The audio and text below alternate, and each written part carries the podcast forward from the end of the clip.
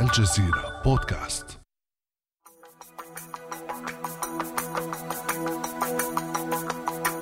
تمار بن كفير ليس شخصية سياسية ذات قيمة مؤثرة لكن أكيد يعني تمار بن كفير هو من أشهر الشخصيات الإسرائيلية التي تحاول جذب الانتباه. ويذهب إلى النقاط التي آه، تكون نسبة الإثارة فيها الأكشن الاستفزاز عالية. لكي يعرضوا أمام جمهوره أنه أنا قادر. الفلسطينيون لم آه، تهدأ جذوة نضالهم يوم من الأيام. لم يستطع أي سياسي إسرائيلي مهما كان. وحتى لو جاء بنكفير وحتى لو جاء باروخ مارزل أن يمنع آه، ردهم ومقاومتهم للاحتلال. على عجل. وخلال ثلاث عشرة دقيقة اقتحم وزير الأمن الصهيوني المتطرف إتمار بن كفير المسجد الأقصى. خلصة تسلل بن كفير إلى حرم الأقصى في محاولة لتثبيت مزاعم الاحتلال على الأرض. لكن الفلسطينيين على مدار سنوات طويلة من مقاومتهم تعاملوا مع من هو أخطر من بن كفير وأفكاره في ظل حكومات إسرائيلية كانت في غالبيتها متطرفة. فهل بن كفير متطرف من ورق كسابقيه؟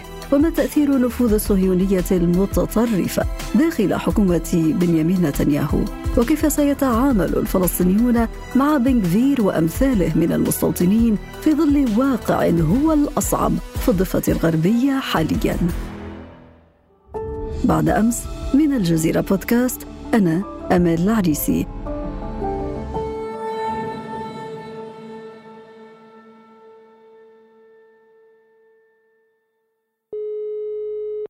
وهذه حكاية جديدة من بودكاست الجزيرة بعد أمس أسعد فيها باستضافة الأستاذ سعيد بشارات مدير شبكة الهدهد المتخصصة في دراسة الشأن الإسرائيلي.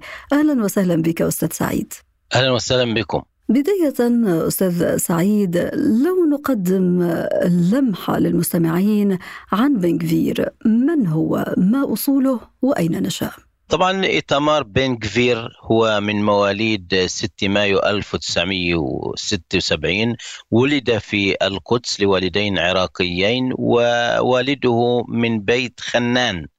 وهي عائلة كردية في العراق ووالدته شوشانة من كردستان العراق. إيه، طبعا والده غير اسم العائلة من خنان إلى كفير وتقريبا معنى لخنان.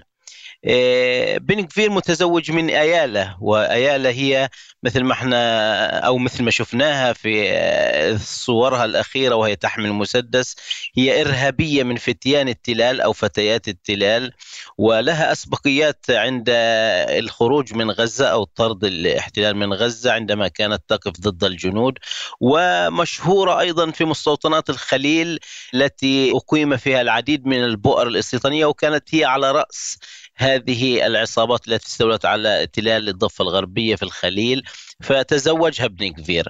وهو ابن كفير هو إرهابي يميني متطرف يشغل الآن منصب وزير الأمن القومي. كانت وزارة الأمن الداخلي في السابق لكن غيرها إلى أمن القومي. وهو رئيس حزب عتسما يهوديت.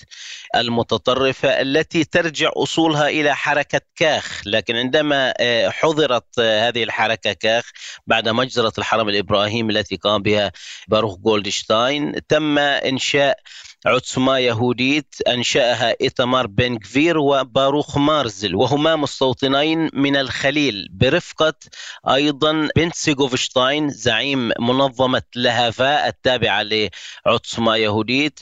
متى دخل بن كفير المجال السياسي وما هي الأفكار التي يتبناها؟ إيتمار بن كفير دخل السياسة منذ كان مراهقا عندما كان في تلال الضفة الغربية.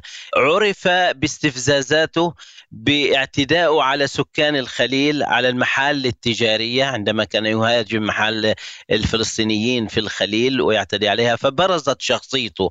وكانت ذروة ظهوره عندما استطاع الدخول إلى سيارة آه، رابين الشخصية وإخراج رمز منها وعرضه أمام الإعلام كما أخرجنا هذا الرمز من سيارة رابين قبل مقتله في أيام بس. كما وصلنا لهذا الرمز سنصل إلى رابين بعدها قتل رابين. انشهر من هذه اللحظات وبدأت شهرته تتصاعد مع استفزازه للفلسطينيين والتحاقه مع مارزل بعصمة يهوديت ونشاطاته تحت إطار هذه المنظمة الإرهابية التي كانت تستقصد إذا الفلسطينيين تنظيم مسيرات في مدن الداخل وخاصة أم الفحم المسيرات الاستفزازية. وبالتالي ظهر نجمه وتصاعد إلى أن وصل إلى الكنيست عندما عين محامي لميخال بن آري وهو عضو كنيسة سابق وتم طرده أيضا من الكنيسة ومنعه من الترشح عدة مرات إلى اليوم. وبالتالي دخل الكنيسة عن طريق هذا الشخص اللي هو بن آري والتحق بعدها في السياسة وأصبح يحاول مرارا وتكرارا الوصول للكنيسة ولكن تم منعه عدة مرات إلى أن وصل إلى لحظة قبوله كمرشح في الكنيست في الانتخابات الأخيرة التي جرت آخر مرة في إسرائيل. وإذا بن غفير وفق هذه اللمحة عن شخصيته عن نشاطه السياسي عن أفكاره بنى شعبيته على كراهية العرب وطرد الفلسطينيين فما الجديد الذي يطرحه مقارنة بنهج أفيغدور ليبرمان أو أريل شارون؟ الجديد فيما يطرحه إتمار بن غفير عن شارون أو ليبرمان هو أن شارون عندما مثلا اقتحم المسجد الأقصى اقتحمه من منطلقات ومعايير ودوافع سياسية. معارضة كان وأراد أن يتحدى الحكومة التي كانت في تلك الفترة. فدخل المسجد الأقصى من أجل أن يحرج الحكومة خاصة أنه يميني شارون يميني علماني. لكن بن كفير لديه أجندة أخرى مختلفة عن كل السياسة الإسرائيلية. أجندته هي أجندة آه، مدرسه ومعلمه الأول مائير كهانة قتل العرب طرد العرب دخول إلى المسجد الأقصى وبناء كنيس أو التعامل مع المسجد الأقصى إلى حين بناؤه ككنيس، يعني اليوم بين كفير يطالب بصلاة متساوية مع المسلمين في المسجد الأقصى، الدخول من كل البوابات، شرب الماء من حنفيات المسجد الأقصى، السماح بذبح آه، القربان داخل المسجد الأقصى، له أجندة تتعلق بالنقب، التخفيف من التواجد الفلسطيني في النقب السيطرة على الجليل وطرد العرب الكم الهائل من العرب في الجليل ضف الغربية تغيير تعليمات إطلاق النار. على الفلسطينيين من أجل الضغط عليهم وبالتالي الهجرة. وهذه خطة رسمت مع سموتريتش فتح وهذا تكلم فيه بين كفير إنه يجب فتح مكتب للهجرة في الخليل. يتم تهجير الفلسطينيين طواعية مع تأمين لهم بلد لاستضافتهم وأموال للرحلة. ولكن لا يفجر كل هذا الأوضاع بالكامل في الأراضي المحتلة أستاذ سعيد؟ سؤال مهم جدا لأن هو ليش لا يخشى من أن تتفجر الأوضاع؟ لأنه عندهم هذول الصهيونية الدينية اللي ينتموا لفكرة الخلاص اللي رباهم عليه الحاخام إسحاق أبراهام كوك. آخر شيء يفكر فيه أنه يخطب الفلسطينيين أو يحرج السياسة الإسرائيلية لأنه هذا من أعمق المبادئ التي تؤمن بها الصهيونية الدينية هي تفجير الأوضاع من أجل الوصول إلى نقطة الانفجار وبالتالي طرد الفلسطينيين طرد فلسطيني 48 وإقامة الدولة الداودية اللي بيسميها سموتريتش دولة داوود واللي انتقد على أساسها كثيرا. هذا على المستوى الداخلي يا أستاذ سعيد. إمكانية تفجر الأوضاع في الأراضي الفلسطينية المحتلة. لكن أيضا بهذه الطريقة الاحتلال الإسرائيلي يجازف أيضا بعلاقاته الخارجية. الآن العلاقات الخارجية مثل ما ذكرت لك أصلا مشحونة بين إسرائيل وكثير من الدول وكانت ذروتها بعد اقتحام إيتمار بن كفير المسجد الأقصى وموجة الاحتجاجات موجة الإدانات. الآن يحاول نتنياهو الزعم أن هو يقود هذه الحكومة وبالتالي السياسات الرئيسية تخرج بعد إذنه. لكن في ظل الوضع الحالي وجنون إيتمار بن كفير مع أنه تابع للسياسة التي يقود يقودها نتنياهو لكن نتنياهو مضطر إلى ضم هذه الشخصيات اللي أصلا برزت حاليا في هذه الانتخابات نتيجة تحالفات نظمها نتنياهو، يعني لولا التحالف بين الصهيونية الدينية والقوة اليهودية لم يكن ايتمار بن غفير ليبرز وينجح في الانتخابات ولم يكن لسموتريتش أن يبرز وينجح في الانتخابات. لذلك هنا اليسار ينتقدهم ويقول أن 700 ألف صوت يحكم مليونين صوت إسرائيلي ويشيرون إلى تمار بن كفير وسموتريتش. اليوم هم في الاتفاقيات الائتلافية استحوذوا وشفطوا مثل ما بيسموها في اللغة العبرية شفطوا الصلاحيات من كل الوزارات وركزوها عندهم ما عندهم ضعاف.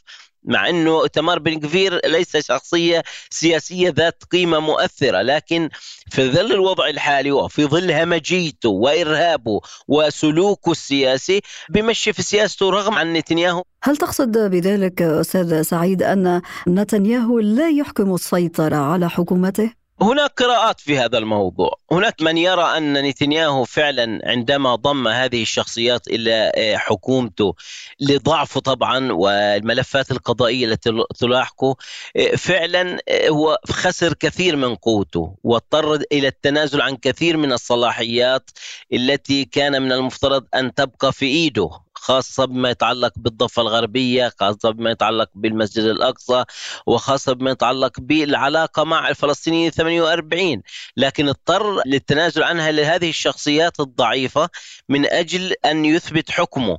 الآن هل في قادم الأيام سيثبت نفسه ويعيد المقود إلى يديه؟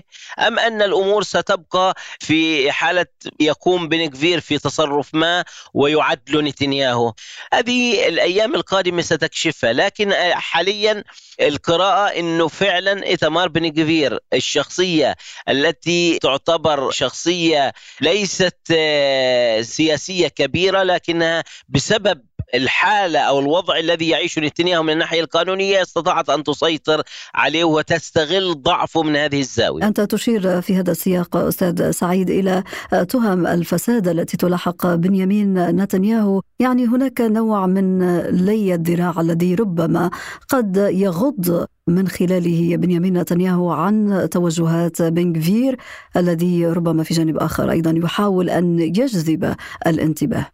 أكيد يعني تمار بن كبير هو من أشهر الشخصيات الإسرائيلية التي تحاول جذب الانتباه ويذهب إلى النقاط التي تكون نسبة الإثارة فيها الأكشن الاستفزاز عالية لكي يعرضوا أمام جمهوره إنه أنا قادر أنا بقدر أدخل على أم الفحم معقل ال 48 معقل الإسلاميين حتى وأستفزهم.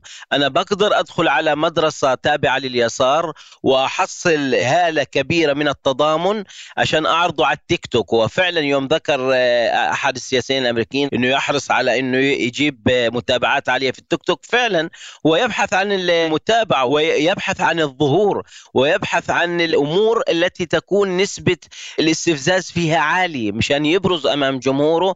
هاي الشخصية لمن يتابعها فعلا تبحث عن كل النقاط التي تؤدي إلى الإثارة. وهذه الإثارة أكيد آه، من وراءها يريد جذب. ولماذا يستفز الفلسطينيين؟ لماذا يهاجم محلاتهم التجارية؟ من أجل يجلب الانتباه لماذا دخل إلى المسجد الأقصى بهذه الطريقة؟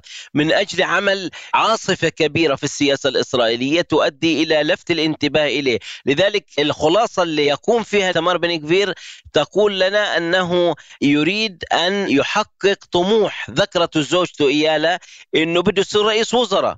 ولا يمكن أن يصبح رئيس وزراء إلا إذا كان بدرجة عالية من الحضور وهذا الحضور يتم عن طريق خرق وتجاوز كل الخطوط الحمراء. ولكن كما قلت أستاذ سعيد الأكشن وهذا والفيوز على التيك توك وهذا الشو الذي يقوم به بن غفير لا يكفي لأن يكون خليفة لبنيامين نتنياهو الذي أثبت على مدى 15 عاما من توليه رئاسة الوزراء. الوزراء قدرته على السيطرة على الصقور في حكوماته وبالتالي هنا نتساءل أستاذ سعيد عن مستقبل هذه الحكومة التي تسيطر عليها الصهيونية المتطرفة خاصة وأننا نعلم قوة مؤسسات الدولة داخل الاحتلال الإسرائيلي. اليوم سأبدأ مما انتهيت به المؤسسات في إسرائيل. لم تعد المؤسسات التقليدية المعروفة اليوم. هذه الحكومة المتطرفة عملت انقلاب. تريد أن تنفذ أجندة قانونية مثلا تقييد المحكمة العليا، فصل المستشار القانوني عن الحكومة عن النيابة العامة، تعيين مستشارين آه، قانونيين لكل وزارة يؤمنون أو مؤمنون بالخط اللي يريده وزيرهم، وبالتالي الآن نتنياهو في وضع حرج. كيف سيسيطر على هذه الحكومة؟ أنا مش عارف. من الصعب. أعطتنا المفاوضات الائتلافية صورة عن طبيعة هذه الشخصيات السياسية، يعني لحد بعد حتى ما سلم رئيس آه، إسرائيل هيرتسوغ إنه قدر يشكل حكومة، لكن استمرت حتى المفاوضات الائتلافية بعد تسليمه ورقة آه، تشكيل الحكومة، وبالتالي أيام هذه الحكومة ستكون صعبة، هل صعوبة الأيام التي ستعيشها الحكومة ستؤدي إلى انهيارها؟ لحد الآن لا يوجد مؤشر على ذلك لأن الأمور سالكة بالنسبة لهم لأنهم يعتبروا يمين كامل يمين نظيف لا يوجد أي معكر خارجي بينهم لا يوجد يسار وسط أو يسار وبالتالي أجندتهم ماشي. وحتى نتنياهو نتنياهو ينتمي الآن إلى اليمين حتى القوم الديني. ليش؟ لأنه من أثر على آه، سياسة الليكود وجعلته يؤمن بالضم هم الصهيونية الدينية نادية مطر ويهوديت كاتسوفر زعيمتا المشروع الضم. وبالتالي هو يؤمن بخط الصهيونية الدينية. والصهيونية الدينية في 2015 2014 هي سبب فوزه في الانتخابات عندما أخرجت دانييلا فايس أم الاستيطان في الضفة الغربية مسيرة دعم لنتنياهو أدت إلى نجاحه في تلك الانتخابات. فبالتالي بقاء هذه الحكومة ونجاحها وتواصلها أعتقد أعلى من مقومات انهيارها مع أن هناك ضغط من اليسار مظاهرات مثل ما جرى أمس ليلا في تل أبيب لكن هي الآن مستقرة. هل ستؤدي سياسات الصهيونية الدينية إلى انفجارها؟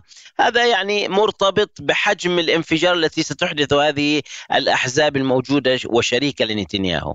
في هذه الحالة أستاذ سعيد كيف سيواجه الفلسطينيون سياسات بن كفير الجديدة في ظل انسداد الأفق أمام الفلسطينيين؟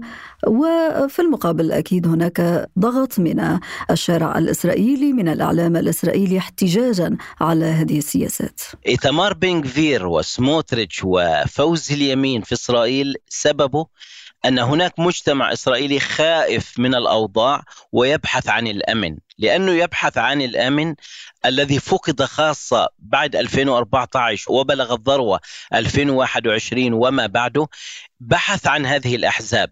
اختار إتمار بن كفير سموتريتش الليكود وبالتالي صعد إلى الحكم. الآن هذا التغير الكبير في الحلبة السياسية الإسرائيلية سواء بما يتعلق بالداخل واتجاه الفلسطينيين الداخل اللي أصلا المجتمع الإسرائيلي آه، مش قابل فيه. يعني لا يريد أن يكون درعي وزير لا يريد أن يدخل ثمر بن كفير الأقصى. لكن حصل واختار المجتمع هذا هي الطبقة. الآن الفلسطينيين موضوعين على مفترق طرق. ما هو الحل؟ الحل هو أن يبنوا سياسة استراتيجية غير السياسة اللي انتهجوها في السابق، لابد من أن تعود السلطة إلى رشدها وأن تؤمن بأن آه، الحل السياسي والتعامل مع هذه الحكومة الإسرائيلية فاشل ولن يؤتي أي شيء وبالتالي مطلوب استراتيجية جديدة غير السياسة المبنية على رد الفعل. أنا استنى ابن كفير يدخل على الأقصى وبالتالي أرد عليه. وبالتالي الفلسطينيين مطلوب منهم سياسة جديدة تغيير أسلوب التعامل مع الاحتلال الاستفادة من المقاومة والاستفادة من الخط السياسي. يعني الكل يشارك عشان نشتغل مع بعض. أسئلة كثيرة مفتوحة أستاذ سعيد. بسبب كل هذه السياسات ربما لا نستطيع أن نتوقع ما الذي يمكن أن يحدث. كما قلت ولكن الفلسطينيين واجهوا ما هو أخطر ما هو أصعب من بن كفير الفلسطينيون لم تهدأ جذوة نضالهم يوم من الأيام. لم يستطع أي سياسة إسرائيلي مهما كان. وحتى لو جاء بنغفير وحتى لو جاء باروخ مارزل أن يمنع ردهم ومقاومتهم للاحتلال. المقاومة الفلسطينية النضال الفلسطيني وخاصة منذ عامين تقريبا لم تهدأ جذوتها في الضفة الغربية وحتى في قطاع غزة. لذلك أي حدث يخشاه الاحتلال سمعنا في الأيام السابقة إنه هناك خوف من قطاع غزة، هناك خوف من انفجار في الضفة الغربية، هذا الخوف حقيقي.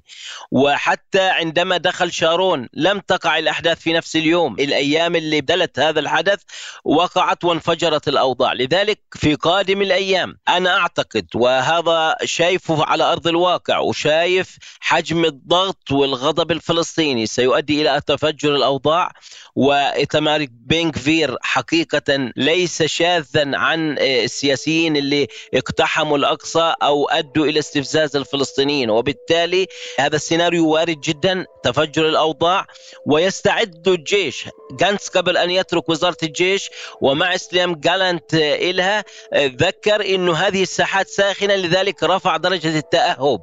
وهذا درجة التأهب مستمرة لأنه عنده بإتمار بن متوحش ما في مخ مجنون. لا يوجد عنده علاقات عامة لا يوجد عنده مستوى أنه والله استفزت الفلسطينيين. لذلك الانفجار قادم 2023 ستشهد حسب المعطيات حتى اللي ذكرت الاستخبارات العسكرية الإسرائيلية أنه عام انفجار وهناك متطلبات لكل ساحة ستحصل عليها وستقع عاجلا أم آجلا. الأستاذ سعيد بشارات مدير شبكة الهدد المتخصصة في دراسات الشأن الإسرائيلي شكرا جزيلا لك. الله يبارك فيك مش مشكورة. الله يعطيك العافية. كان هذا بعد أمس.